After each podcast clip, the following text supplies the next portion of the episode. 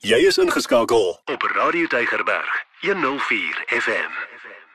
Baie welkom weer by ons geselsie weekliks waar ons vir jou wil help om lewenskwessies sommer kaalvuis aan te pak en op 'n punt te kom waar jy sê, "Maar ek, ek kies lewe." Die gas in die ateljee vandag weer is Dr. François Swart. Hy's 'n pastorale en kliniese terapeut en hy help ons op hierdie reis. Dis sy eie tyd wat hy gebruik en daarvoor is ons baie dankbaar. So Dr. Fransja vir jou tyd vandag weer baie dankie. Hallo Lorraine, hallo luisteraars. Dr. Fransja, die ekonomie druk. Ek hoor nou al hoe meer. Jy weet 'n mens voel later as ek my belt nou nog een gaatjie stywer moet maak, gaan ek omkap. Ek gaan nie asem kry nie. En tog is dit klink vir my so die boodskap wat almal gee en nou, hier kom die gonswoord die buzzword deesdae is. Jy moet 'n tweede en 'n derde stroom van inkomste genereer. Baie mense weet eers wat dit beteken en waar om te begin nie. Maar iets wat ek in my hart glo is ons Hemelse Vader het ons almal toegerus met talente en gawes. Kom ons begin gou daar. Wat is die verskil tussen die twee?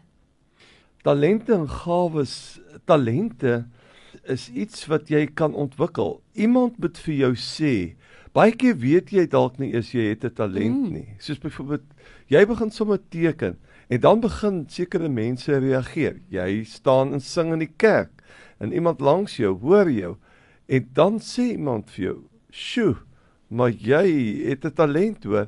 En dan begin jy klasse loop en jy begin die talent ontwikkel en woeker daarmee soos wat ons in die Bybel ook kry talente daar is dit eintlik 'n muntstuk maar jy werk met dit en maak dit meer en soos in die Bybelse verhaal het die eienaar teruggekom en die ou beloon wat gewoeker en gewerk het met sy talent. Dis jy jy het die latente potensiaal om te presteer maar jy moet baie hard werk daaraan.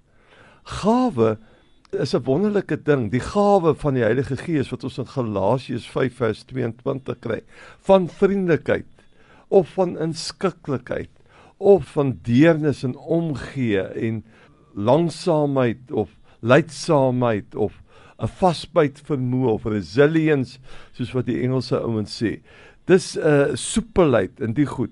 Dis 'n gawe wat jy ontvang het uh, wat jy moet ontdek daar was op 'n stadium 'n kursus oor hoe om jou gawes te ontdek en dit kan ook in 'n geloofsgemeenskap baie maklik gebeur wanneer jy in Bybelstudiegroepe, omgeegroepe sit en vir elkeen in die kring 'n kans gee om te sê wat dink jy is my gawe? Sjoe, ja. Wat dink jy maak dat ek kan weet dat ek het iets van bo ontvang wat spesiaal is?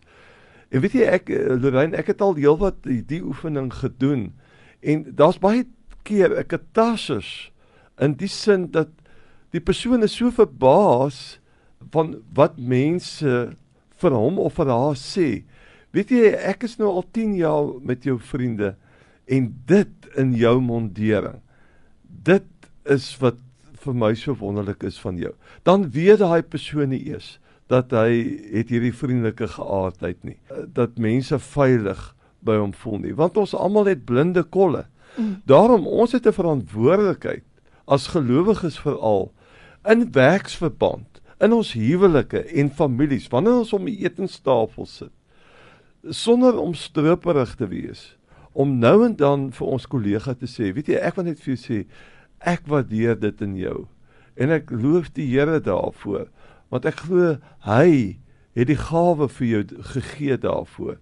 En uh, jy moet woeker met daai gawe. Dis 'n wonderlike ding wat jy het, maar ek het net gevoel jy moet dit weet. Hoe gaan persone weet as ons nie dit ook vir hulle sê nie? Dis 'n dis 'n wonderlike ding. Weet jy soos wat jy daar voor die radio sit, wat is jou talente? Weet jy wat is jou gawes? En gaan na die naaste Christelike boekwinkel toe. En daar's heelwat boeke oor gawes uh en talente en hoe jy jouself kan laat geestelik groei en laat ontwikkel. En jy sal verbaas wees hoe die Here jou geseën het met baie meer talente en gawes as wat jy ooit kon dink. By my in die ateljee vandag in Kies Lewe het ek 'n kenner in die ateljee Dr. Francois Swart. Hy's 'n pastorale en kliniese terapeut en hy help vir ons om sin te maak van die probleemsituasies van die lewe sodat ons op 'n positiewe manier kan sê maar ek kies lewe. Dr. Francois Dit klink vir my nou ook as ek nou goed opgelet het dat talente en gawes ook op sommige plekke kan oorkruis. Met ander woorde, ek kry 'n gawe. 'n Gawe beteken tog iets is vir my gegee om byvoorbeeld te kan luister na mense. Maar dit kan ook 'n talent wees waaruit jy wel iets kan maak.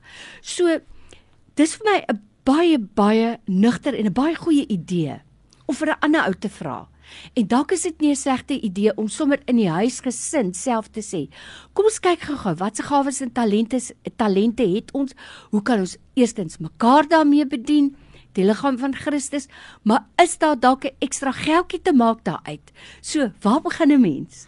Ek dink soos wat jy dit nou vir ons verduidelik het, dis 'n natuurlike proses van gesels binne jou familieverband en ook dan binne jou geloofsgemeenskap talle kunstenaars van ons dag.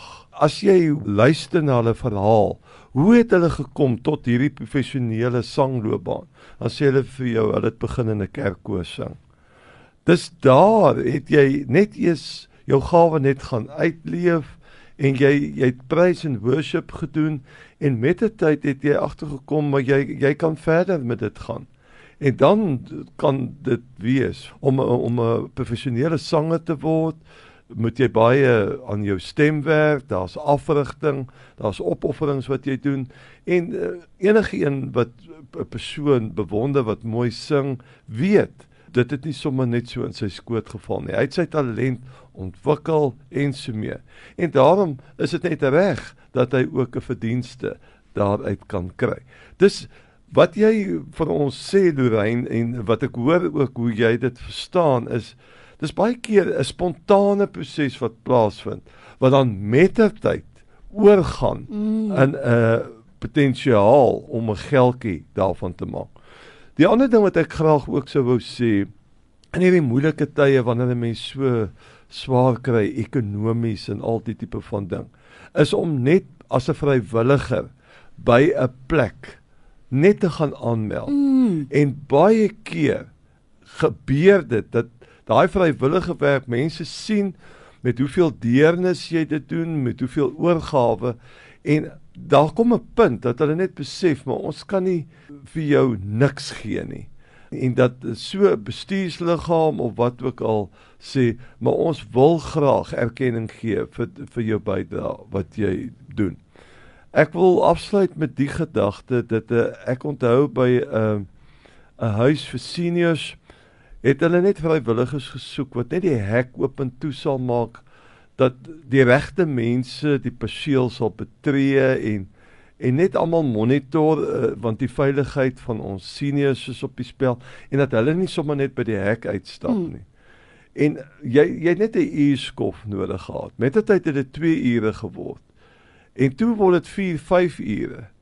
En toe besef die bestuur van daardie senior huis Maar ons kan nie hierdie 4 of 5 manne niks gee nie. Mm. En hulle het sommer net 'n kollekte gehou onder die seniors en begin daai geldjies net verdeel.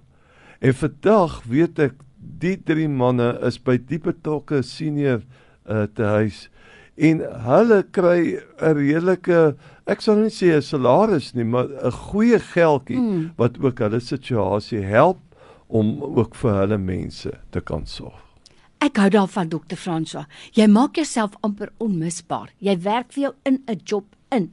Dis so waar. Dit sal nie lank wees nie. En dan besef mense jou waarde en hulle wil jou daarvoor vergoed. So mense met my jou ore en jou oë oop hou, die geleenthede is daar. Ai, Dr. Francois, so wys, so waar. Baie dankie vir jou tyd. Ons waardeer dit. Dankie Lorraine. Kom ons almal gaan gryp die geleenthede wat daar buite vir ons wag. Elke dag jou nommer 1 keuse. Radio Deugerberg 104 FM.